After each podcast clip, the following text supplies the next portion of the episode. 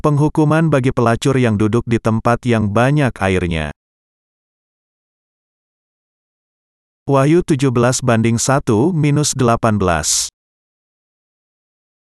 Lalu datanglah seorang dari ketujuh malaikat, yang membawa ketujuh cawan itu dan berkata kepadaku, Mari ke sini, aku akan menunjukkan kepadamu putusan atas pelacur besar, yang duduk di tempat yang banyak airnya.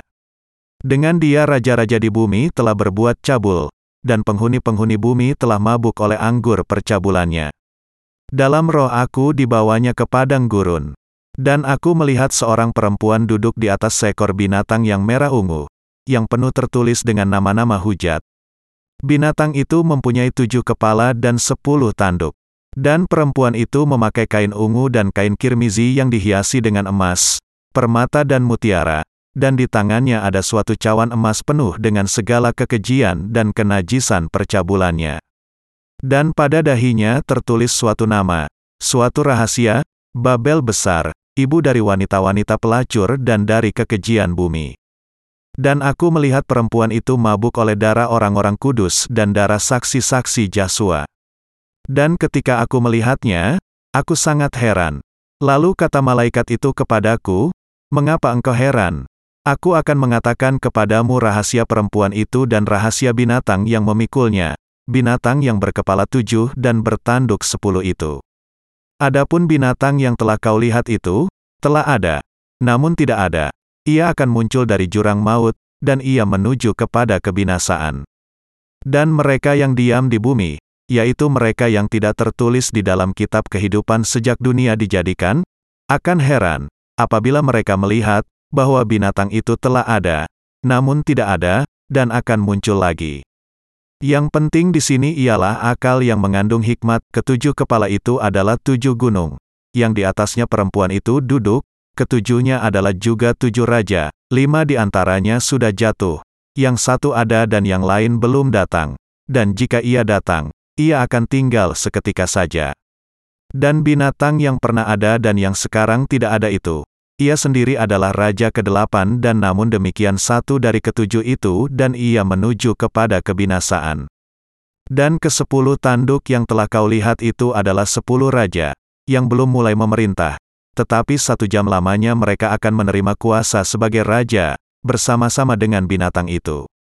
Mereka saya sekata, kekuatan dan kekuasaan mereka mereka berikan kepada binatang itu. Mereka akan berperang melawan anak domba, tetapi anak domba akan mengalahkan mereka, karena ia adalah tuan di atas segala tuan dan raja di atas segala raja. Mereka bersama-sama dengan dia juga akan menang, yaitu mereka yang terpanggil, yang telah dipilih dan yang setia. Lalu ia berkata kepadaku, semua air yang telah kau lihat, di mana wanita pelacur itu duduk, adalah bangsa-bangsa dan rakyat banyak dan kaum dan bahasa. Dan kesepuluh tanduk yang telah kau lihat itu serta binatang itu akan membenci pelacur itu dan mereka akan membuat dia menjadi sunyi dan telanjang, dan mereka akan memakan dagingnya dan membakarnya dengan api. Sebab Yahweh telah menerangi hati mereka untuk melakukan kehendaknya dengan seya sekata dan untuk memberikan pemerintahan mereka kepada binatang itu, sampai segala firman Yahweh telah digenapi. Dan perempuan yang telah kau lihat itu, adalah kota besar yang memerintah atas raja-raja di bumi. Eksegese Ayat 1, Lalu datanglah seorang dari ketujuh malaikat, yang membawa ketujuh cawan itu dan berkata kepadaku, Mari ke sini, aku akan menunjukkan kepadamu putusan atas pelacur besar, yang duduk di tempat yang banyak airnya.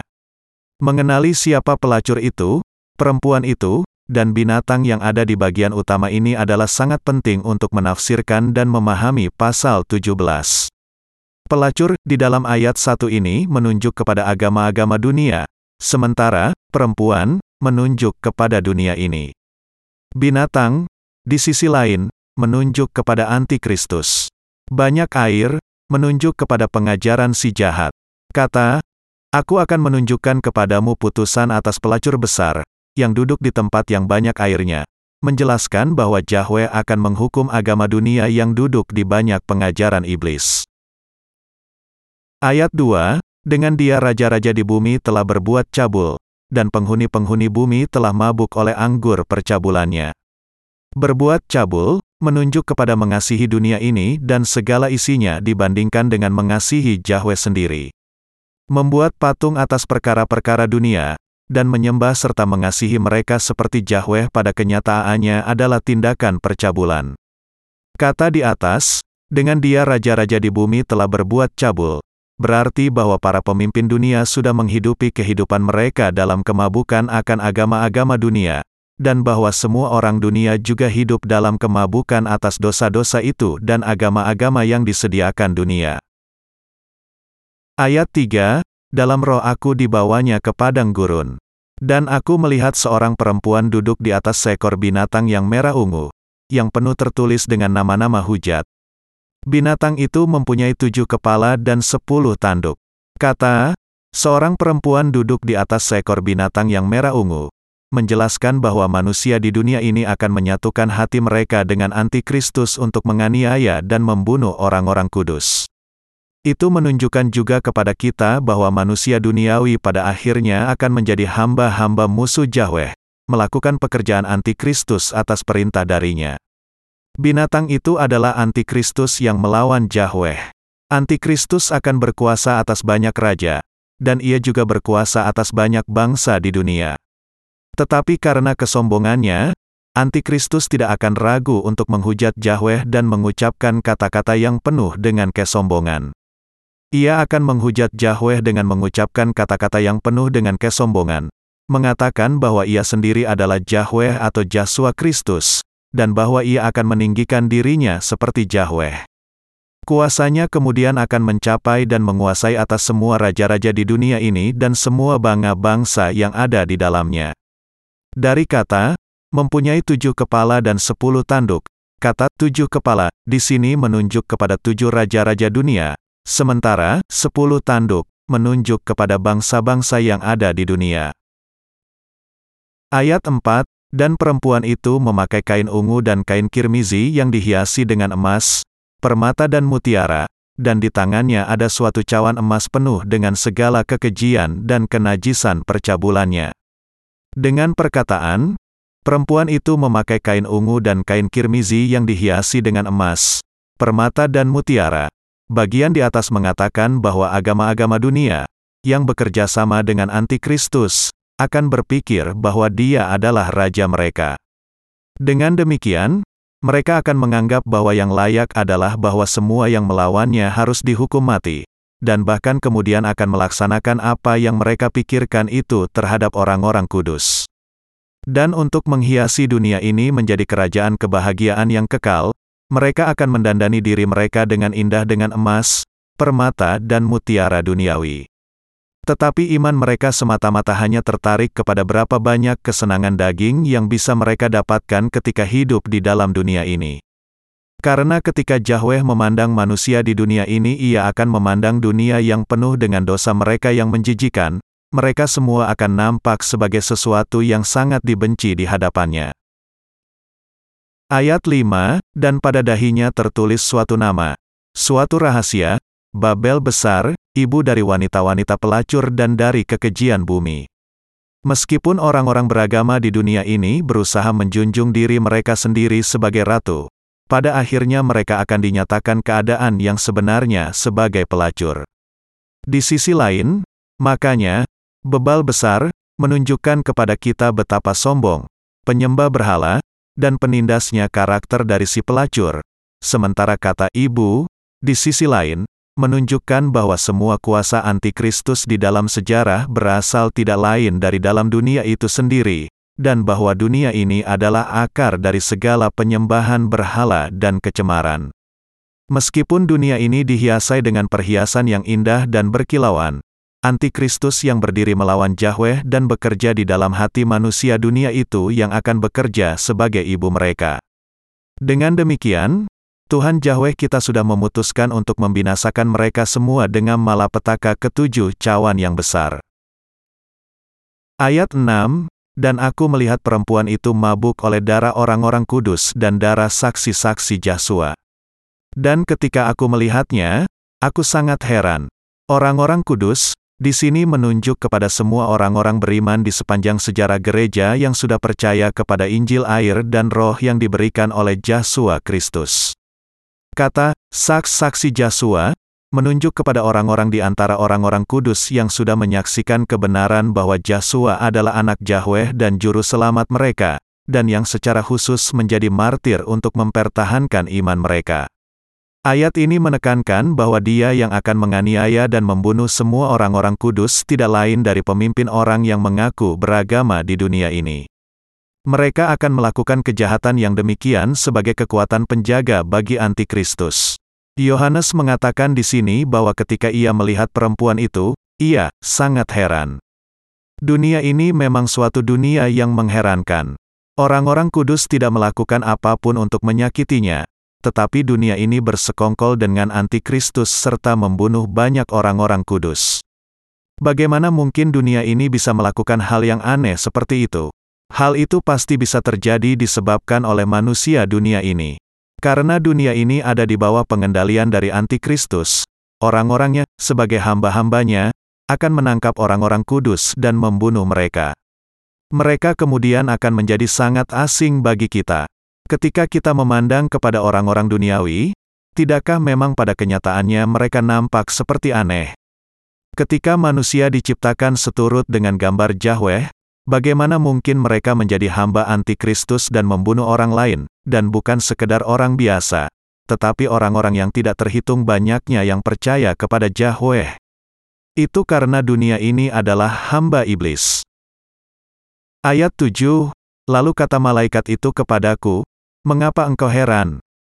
Aku akan mengatakan kepadamu rahasia perempuan itu dan rahasia binatang yang memikulnya, binatang yang berkepala tujuh dan bertanduk sepuluh itu. Perempuan, di sini menunjuk kepada manusia di dunia ini. Ayat ini mengatakan bahwa binatang itu, yang disebut antikristus, akan menguasai semua raja di dunia ini dan seluruh bangsa yang ada, dan melalui mereka ia akan melakukan pekerjaan melawan Yahweh, menganiaya orang-orang kudus, dan membunuh mereka. Rahasia binatang di sini menunjuk kepada identitas dari antikristus yang bergerak di bawah perintah dari iblis. Dan ia akan menjadikan bangsa-bangsa di dunia ini menjadi miliknya. Manusia dunia ini, yang bersekongkol dengan antikristus, akhirnya menjadi alat iblis di dalam membantai sejumlah besar umat Tuhan. Dunia ini dan antikristus adalah alat-alat iblis, yang tersembunyi dari mata kita sekarang ini. Tetapi ketika tiga setengah tahun pertama dari masa kesengsaraan besar berlalu, mereka akan bangkit dan membunuhi orang-orang kudus.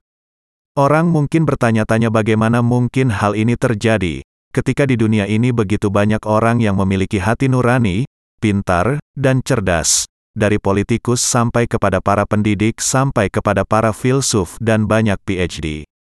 Tetapi karena dunia akan bekerja sama dengan antikristus, semua hal itu, termasuk pembantaian terhadap orang-orang kudus, akan menjadi sesuatu yang mudah.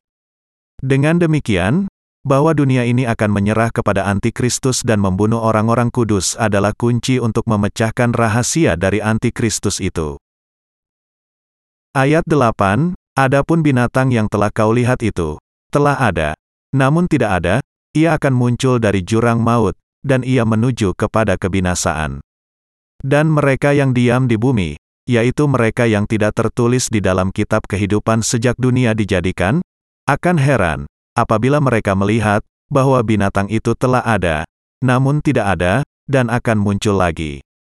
Ayat ini mengatakan bahwa antikristus ditemukan di antara para raja dari masa dahulu, dan bahwa meskipun ia tidak berasal dari dunia sekarang ini, ia akan datang di dunia yang akan datang.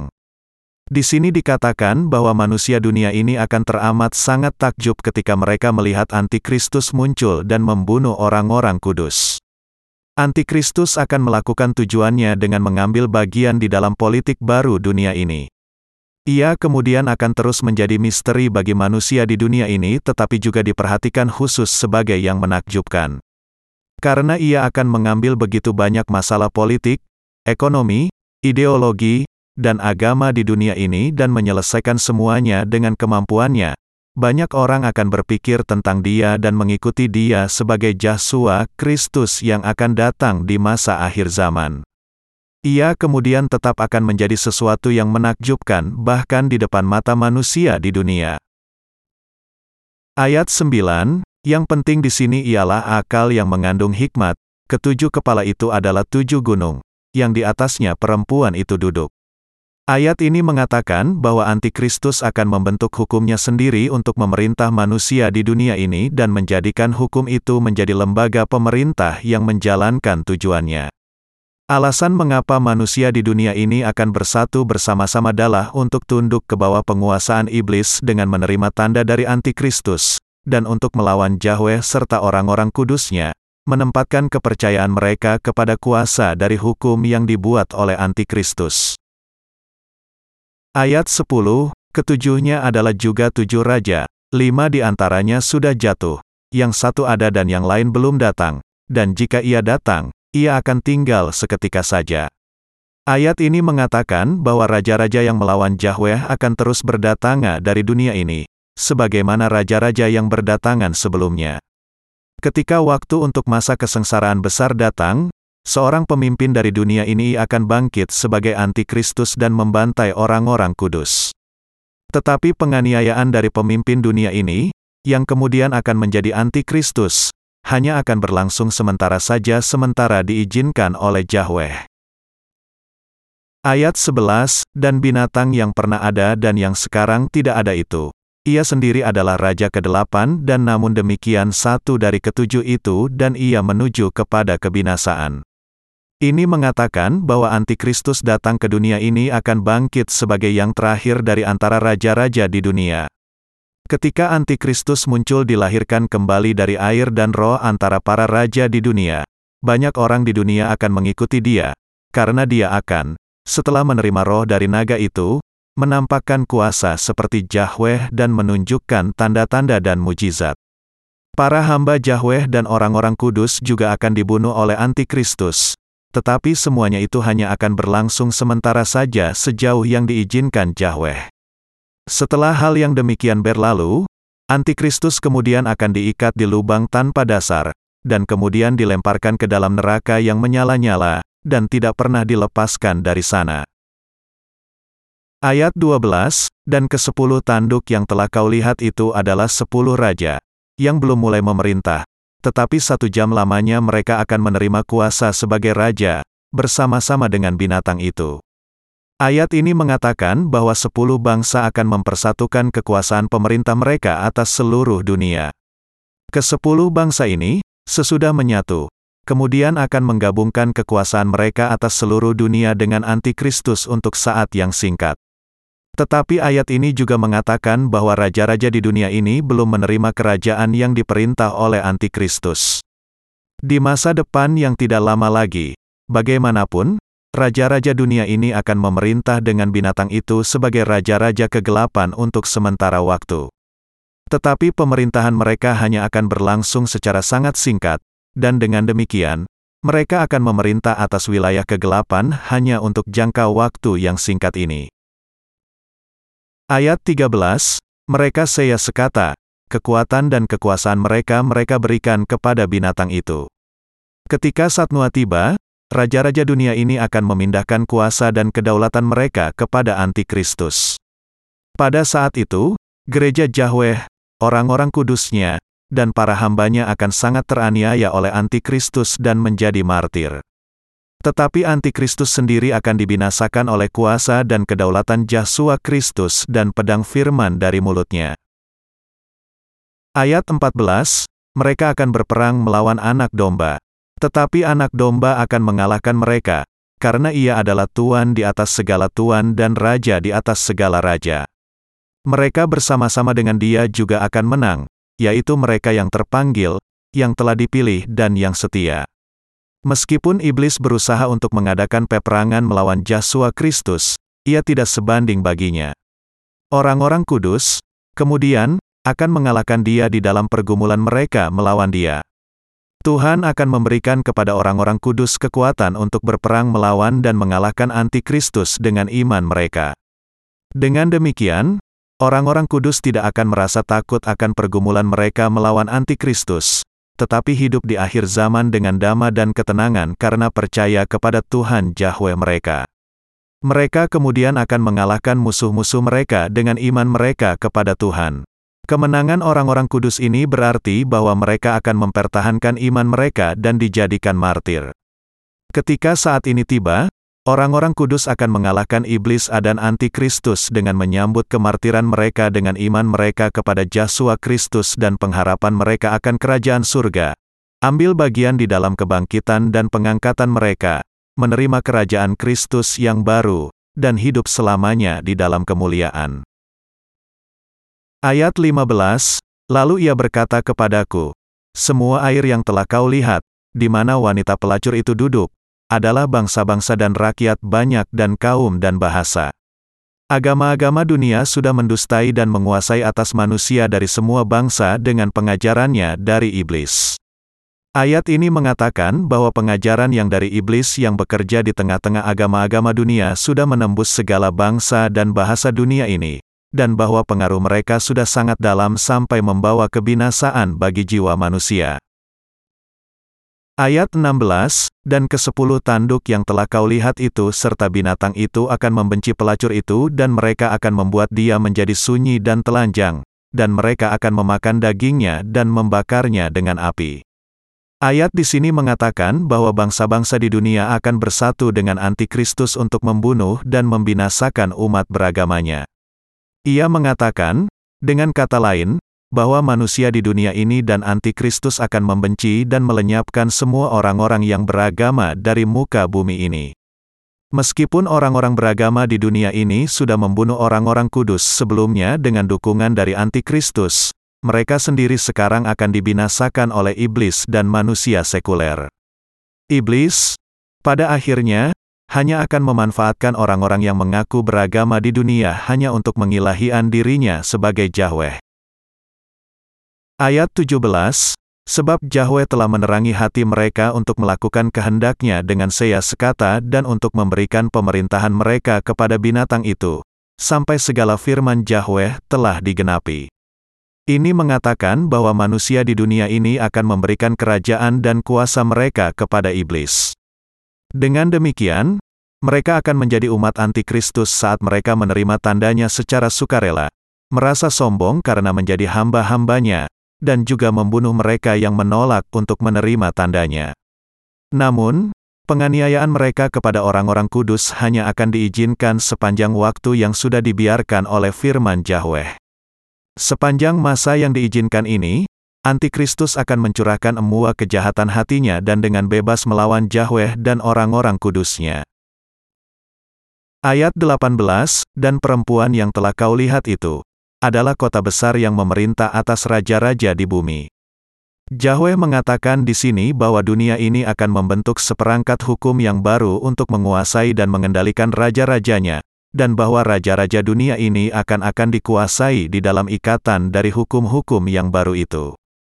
Kuasa yang super dari dunia ini akan memerintah atas semua raja yang ada di dunia, seolah-olah ia sendiri adalah pribadi itu.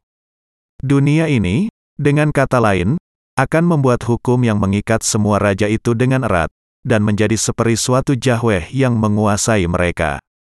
Kota besar, di sini menunjuk kepada lembaga politik yang melaluinya antikristus akan memerintah.